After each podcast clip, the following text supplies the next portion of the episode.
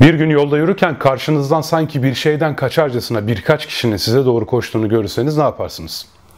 Kaçtıkları şeyin ne olduğunu anlamaya mı çalışırsınız yoksa onların peşine kapılıp siz de koşar mısınız?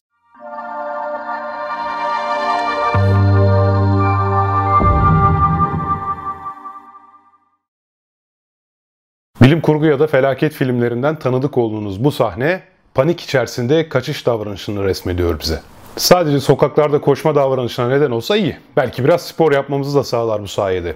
Ama izdihama evrilirse insanların birbirini ezmesine, birbirlerini itip kalkmasına neden olduğu için yaralanma ve ölümle de sonuçlanma riski var.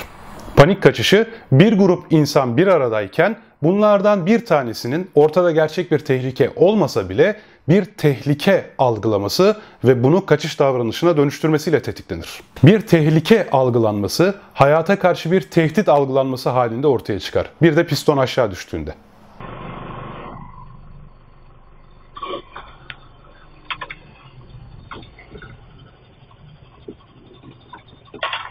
Piston aşağı. Yavaş yavaş yavaş yavaş yavaş yavaş.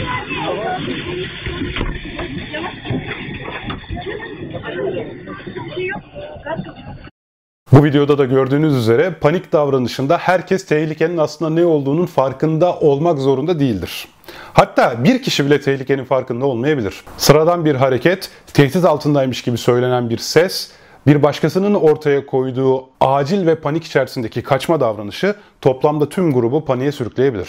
Bir kişinin başlatması yeterlidir. Sonra bu dalga dalga yayılır. Belki bir kişiyi görüp hareket edecek bir insan değilsinizdir. Ama o bir kişiyi görüp hareket edecek insanlar derken 3 olur, 5 olur, 10 olur ve siz de acaba benim bilmediğim bir tehlike mi var?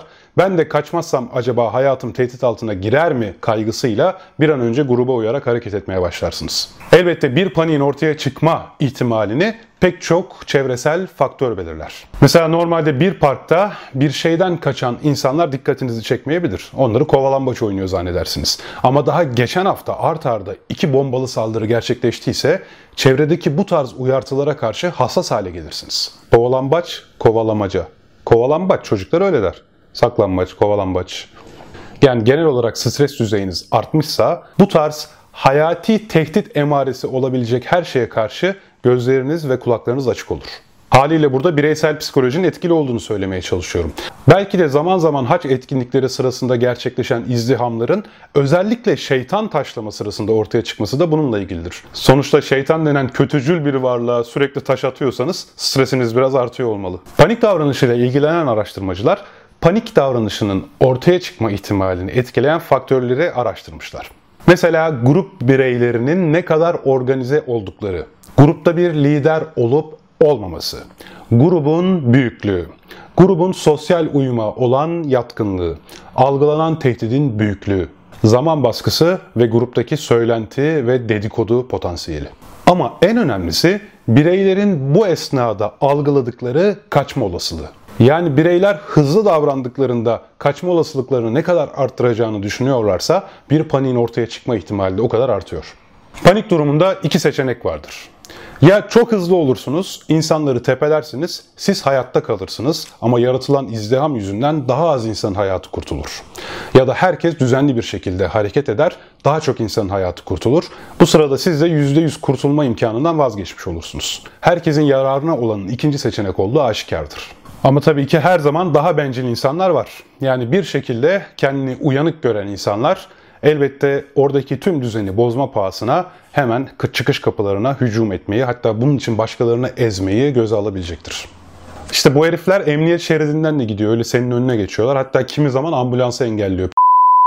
Araştırmacılar bilgisayar simülasyonları kullanarak insanların panik halindeki kaçış davranışlarını modellemeyi başarmışlar. Üstelik bu modeller oldukça tutarlı.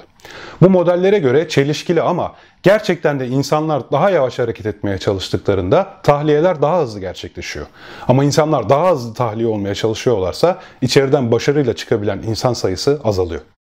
Çok ilginç bir şekilde sırf insanları yavaşlatmak için çıkış kapısı önüne koca bir sütun koyarsanız tahliyeler daha başarılı hale gelebiliyor.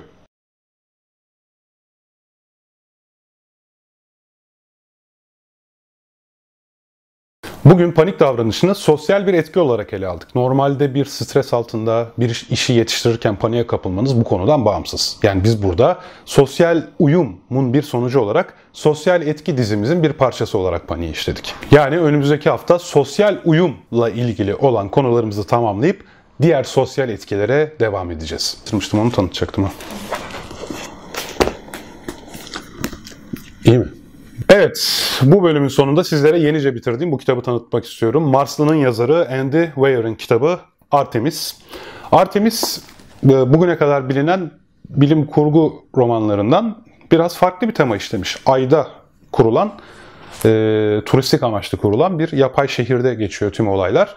Ve çocukluğundan itibaren ayda yetişmiş e, kadın bir karakter var başrolünde. Kitap genel olarak sürükleyiciydi ama 5 üzerinden 5 puan verebileceğim kadar değil.